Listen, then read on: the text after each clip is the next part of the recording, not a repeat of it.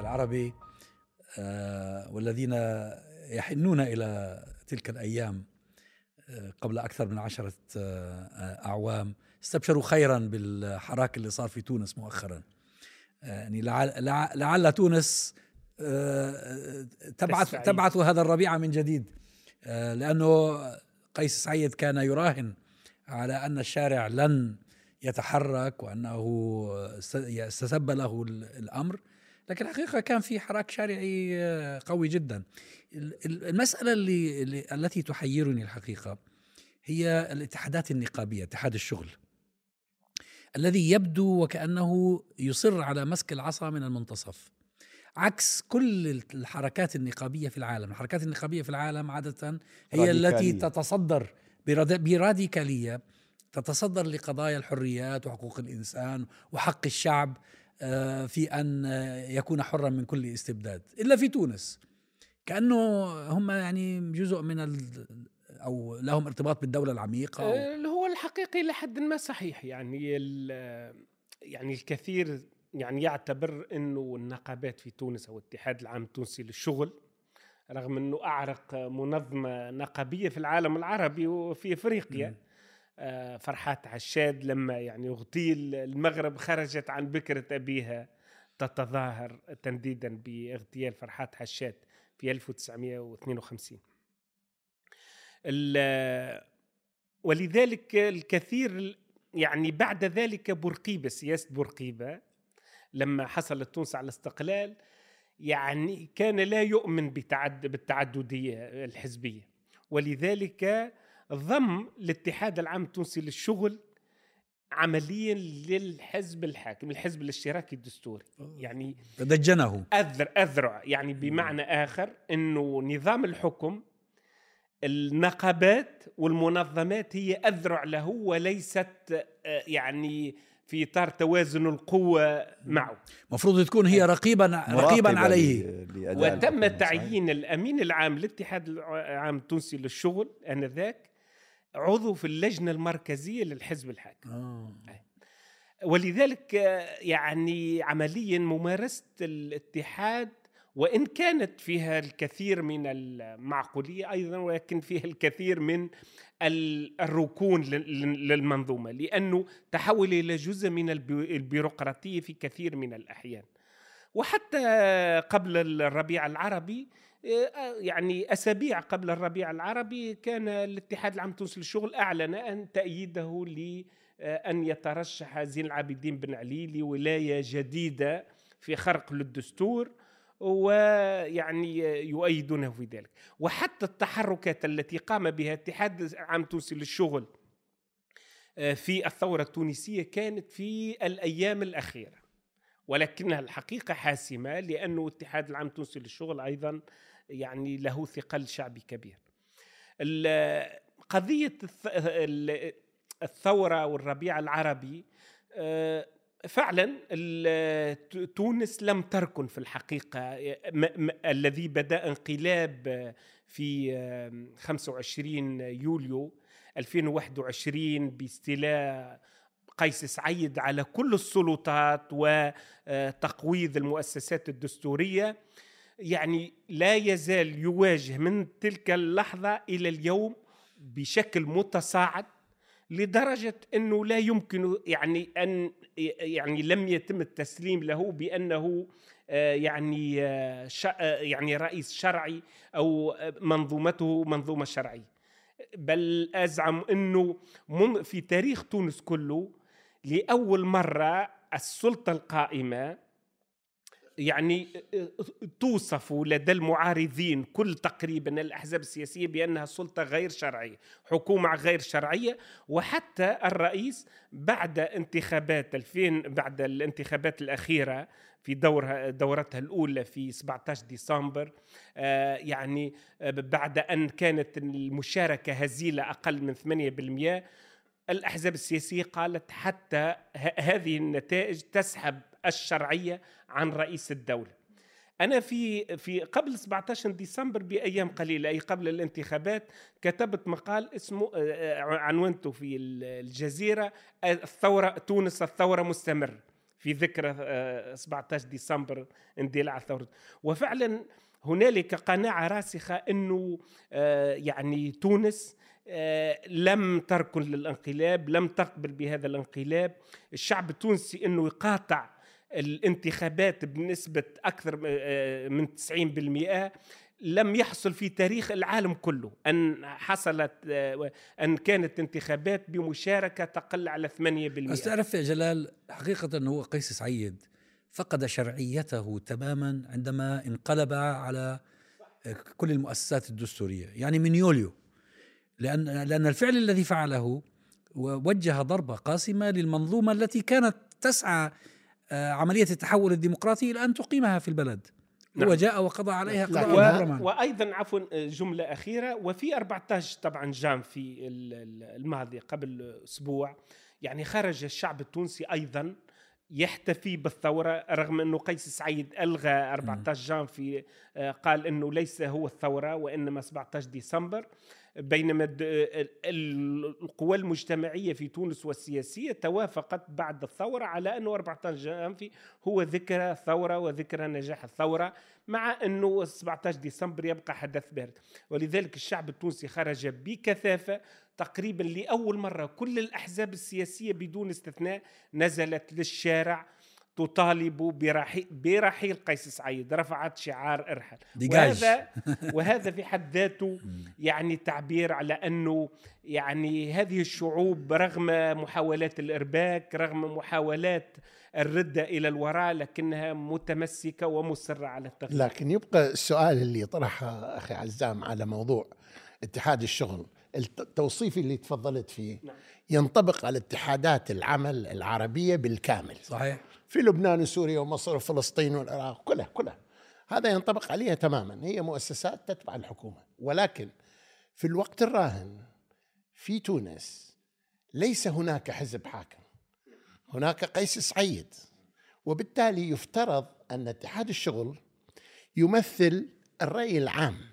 بس أنا في ظني وهذه هي المشكلة وهذا هو الفرق بين ما يحصل الآن في تونس وما حصل بالثورة. قبل كان هناك نظام ديكتاتوري والشعب كان موحد ضده بعد الثورة انقسم التوانسة إلى فصائل ومجموعات كما انقسم المصريون. بحيث لم يعد هناك إمكانية عمل. يا أخي التوانسة تشوف ال- ال- الحركات الليبرالية بغض النظر قوميين بعثيين إسلاميين whatever they call them خلافهم مع النهضة لا يمكن فهمه اطلاقا. حتى عند الفرد العادي. وأيضا في نفس الوقت يعني أنا ليس دفاعا عن الحركة الإسلامية لكن أنا أعتقد أن الحركة الإسلامية في تونس النهضة قدمت ما لم تقدمه أي حركة إسلامية في العالم العربي. يعني لما فازوا بالانتخابات تنازلوا عن الحكم وحاولوا أقصى ما يمكن. لكن في تونس هناك تطرف عند الحركات المختلفة. وبالتالي الآن في تونس قبل كان هناك عندك عدو واحد عندك الحكومة وزين العابدين بن علي وبالتالي الآن إن ال- الحركات السياسية معادية لبعضها بحيث أنه لا تستطيع يضعف بعضها بعضا. يضعف بعضها. وهذا صحيح تماما والدليل على ذلك أنه الجميع يعتبر أنه قيس سعيد انتهى ولكن الانقسام الحاصل في النخبة التونسية السياسية والاجتماعية أي الأحزاب السياسية والمنظمات يعني تربك عملية بلورة تصور معقول من أجل إعطاء يعني آه، آه، الضوء الأخضر لعملية انتقال سياسي آه، بعيد على النظام السياسي. لكن النكبة أن الشعب التونسي اللي هو اللي يعاني نعم صحيح. والحركات السياسية والوج- والمجتمعية أيضا تعاني.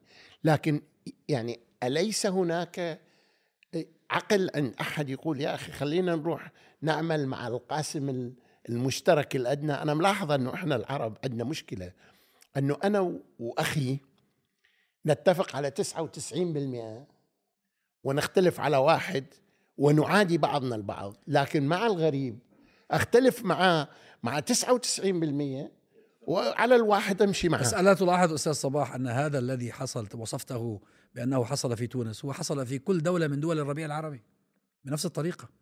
يعني مصر لماذا القوى الأخرى وقفت في وجه الإخوان المسلمين وشمتت بهم وطلعت يوم 30 يونيو تطالب بإسقاط الرئيس المنتخب؟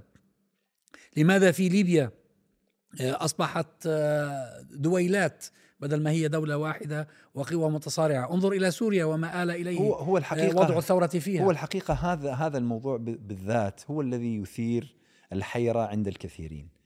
أنه المطالبين الذين طالبوا عبر عقود وشاركوا في المطالبة بالحريات وبالديمقراطية ورفعوا الشعارات هذه على مدى عقود من الزمن. طيب من اليساريين والليبراليين وبعض بعض العلمانيين وهكذا. لكن لما جاءت اللحظة الحاسمة اللحظة الحاسمة الذي كان الخيار فيه إما الاستمرار بنهج الثورة وتحت سلطة إما كاملة أو مجزأة للإسلاميين أو مشاركة للإسلاميين وبين العودة والنكوص إلى نظام فيه درجة عالية من الاستبدادية اختار الناس العودة إلى الاستبداد. الحقيقة أحد الغربيين مش الناس؟ النخب. النخب بالذات النخب لكنه أيضا الشعوب يعني بالأخير اللي نزل اللي نزل نزل. ما ي... لا الشعوب الشعوب حرمت من حق أنا أنا باعتقادي التعبير. هناك تأثر هناك تأثر كثير ممن تكلمنا معهم وتحاورنا معهم يعتبرون من العوام يعني ليسوا من النخب. آه، متلبسين بتصور أنا بفكرة. تعرف واحد نعم. واحد الحقيقة من شارك معي في حوار عام. وطبعا تبهذلنا فيه لأنه الناس قامت علي وأنت كذا وأنت كذا ومش عارف إيش. فهذا الشخص الغربي هو صحفي بريطاني. ف يعني يحاول أن يهدئ الموضوع. فقال يعني أنا مستغرب أنا مستغرب ممن يكره الإسلاميين أكثر من توقة للحرية. وهذه الحقيقة حالة عامة حصلت. صارت في مصر وصار يعني حتى إنه أنا أتذكر حوارات حصلت بعد رابعة وبعد أنه الناس تقول مش عايزين حرية مش عايزين حرية. أه. المهم لا يأتي إخوان. نعم أنا في تقديري الناس من خلال تجربتي على الأقل ورصدي لتجربه خاصة مصر وتونس وحتى ليبيا.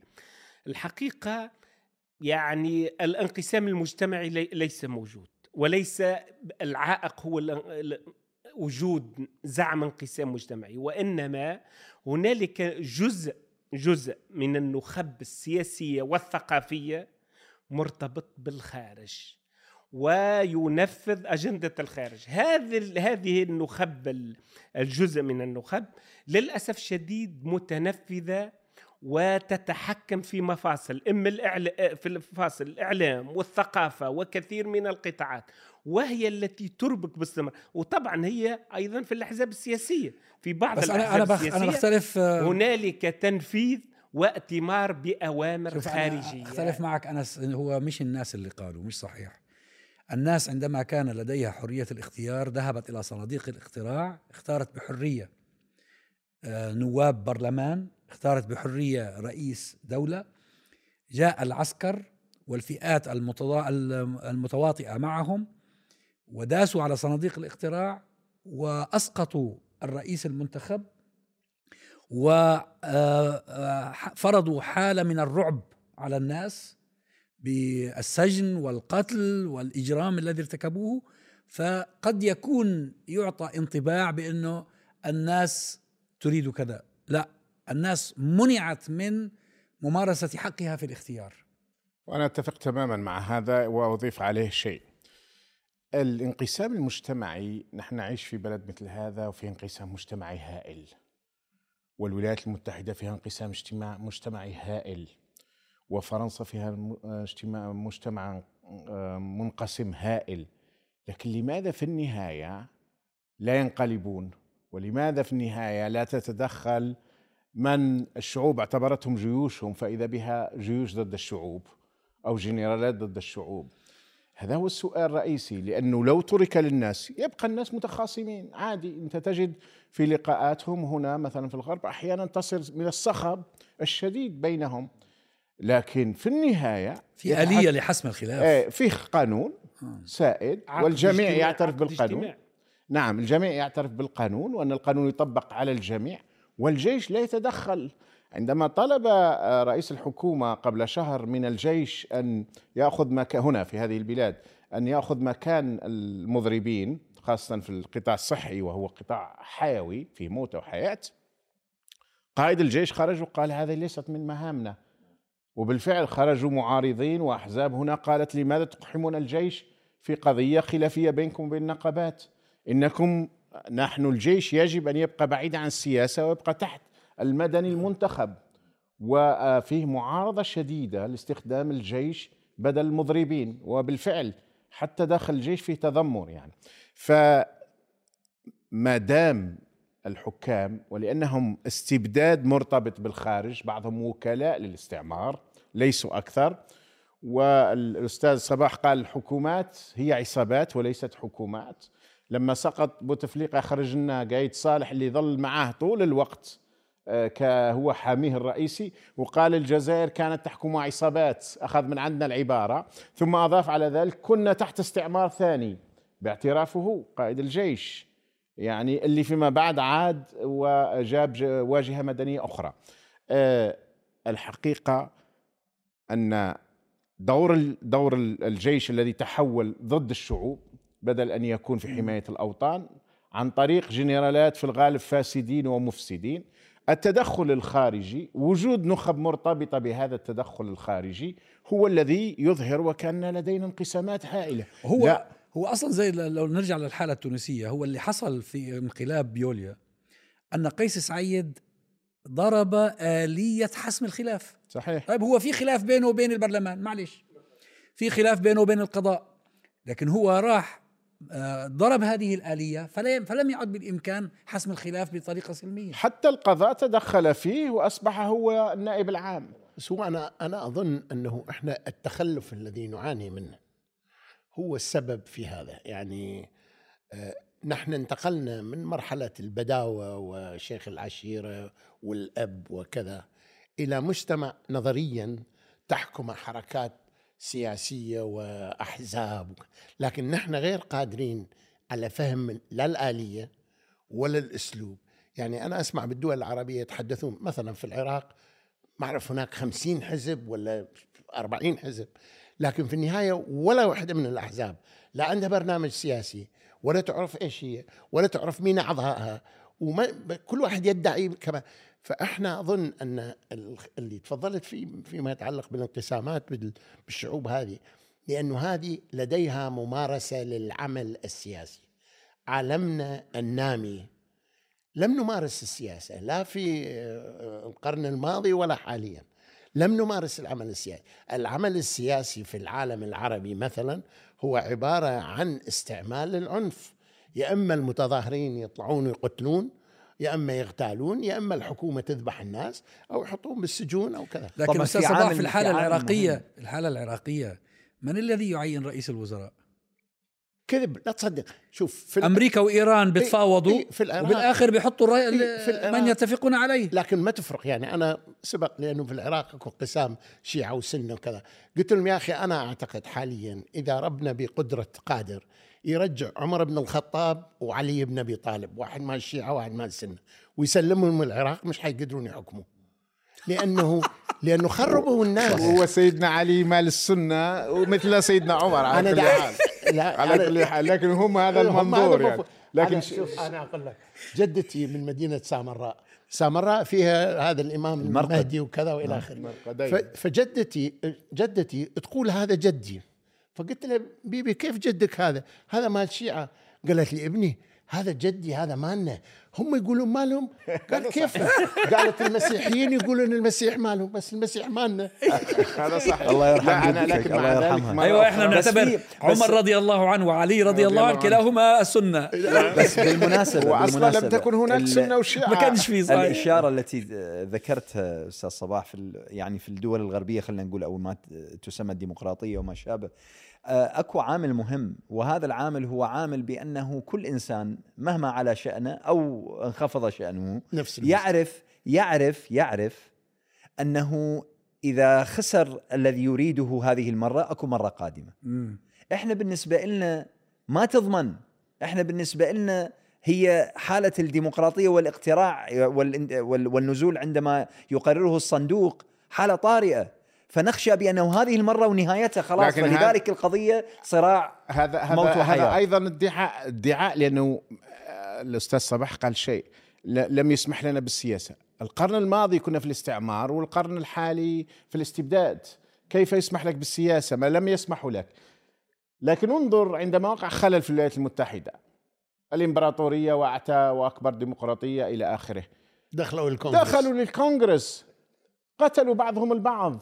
ولو ولو آه، لولا تدخلات سريعة لكان ربما وجدنا حرب أهلية في الولايات المتحدة صحيح. وفي من يتحدث اليوم على لا امكانيات تزال- الحرب لا الأهلية في تزال الولايات هناك المتحدة احتمالات، صحيح. والكيان الإسرائيلي احتمالات الحرب الأهلية وفرنسا احتمالات الحرب صحيح. الأهلية الذي يمنحها في الوقت الراهن هو عدم تدخل الجيش واحد ثانيا تدخل الخارج ضعيف جدا ضعيف، نعم. ثالثا أن هناك ما زال فكرة القانون الناس يقولون هناك قانون نتحاكم له في الغالب لكن لو تختفي فكرة القانون هو لذلك سترى تدخل كيف جماعة خارجي. ترامب كيف أججوهم؟ أججوهم لما قال لهم ترى هؤلاء خرجوا على قواعد اللعبة، سرقوا منكم الانتخابات. أي نعم فحين ذاك تأجج هؤلاء ال- الملا يعني بضعة الملايين وهذول اللي هم عقلهم يقبل مسألة بأنه ها والله ممكن جدا أنه إذا هؤلاء سرق سرقوا من عندنا هي هذه هذه القضية في نهاية وأيضا المطاف. العامل الخارجي يعني صحيح ضئيل ولكن لما برز مثلا في. الولايات المتحده الدور الروسي أصلاً الروس. مثلا. يعني صح ال- الاجتماع السياسي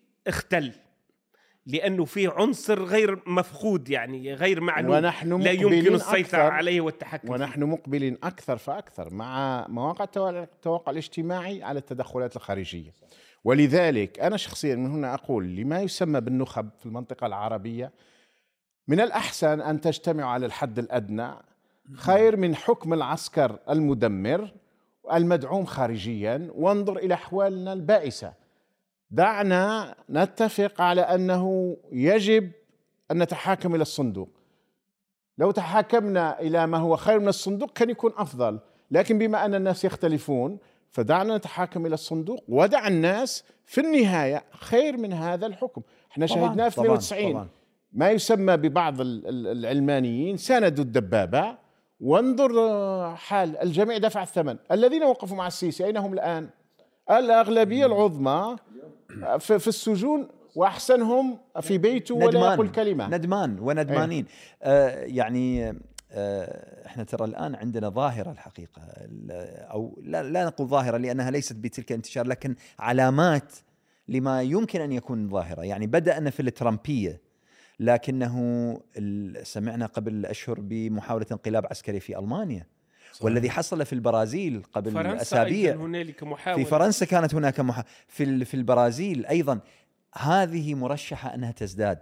اليوم العالم لا أدري هل بسبب التواصل الاجتماعي هل بسبب خاصة. التدخل هل بسبب جيو وجود جيوش. تداخل ال- هذه كلها ل- ولذلك يمكن أن نقول بأنه اليوم لم تعد المسائل مثل هذه آه، مقيدة ضمن حدود جغرافية معينة. إنما يمكن أن تنتشر على الجمهور الأوسع والذي هو يتابع وسائل التواصل وما شابه. وهذه هذه هي سنة الله في خلقه. ولولا دفع الله الناس بعضهم ببعض لفسدت الأرض. فهو هذا التدافع مطلوب حتى تتجدد الحياة. لأنه حتى الأنظمة الديمقراطية الليبرالية الموجودة في الغرب وصلت حد من الاستجنيشن يعني من الركود والركود الآسن. آه، صارت تتوجه توجهات تثير لدى الناس آه، رغبة في التغيير. آه، صحيح أن البعض يستغل ذلك مثل اليمين المتطرف شعبويا يستغل ذلك لمصالحه. لكن التغيير حتمي. لا، نعم والتحولات هنا- كبيرة ودليل ذلك ما يحصل في البرلمان الأوروبي والاتحاد الأوروبي حديث على التدخل المغربي القطري. يعني في نهاية المطاف أنا أقول يعني فعلا أتأمل في ال- في هذه التقارير التي تتحدث على هذه أن يكون فيها القضية صحة. ويقول إنه سبحان الله كنا باستمرار موضوع التدخلات. اليوم يعني أهم تقريبا آه، كيان آه، حضاري سياسي بعد الولايات المتحدة الأمريكية يعاني من تدخلات مرة من روسيا أو مرة هكذا من أو هكذا يزعمون نعم أو. هكذا يزعمون طبعا هكذا إحنا. اليوم اليوم في خبر في خبر لطيف وردنا من نيوزيلندا وهي أنه رئيسة الوزراء شافت نفسها آه قررت. خلاص. خلاص يعني أدت ما عليه وما تقدر قالت تستمر. الخزان فضي. فقالت خلاص مع يعني أنا أنها من أروع الحكام من, حكموا ومن نيوزيلندا انجحهم ومن. اكثرهم شعبيه خارج نيوزيلندا داخل نيوزيلندا لكن قصدي أنها حقيقة علامة يعني مضيئة أنا باعتقادي وتعطينا شيء من الأمل بأنه لا يزال هناك من يغلب عليه العقل ويغلب عليه الضمير. حتى ميركل قبلها.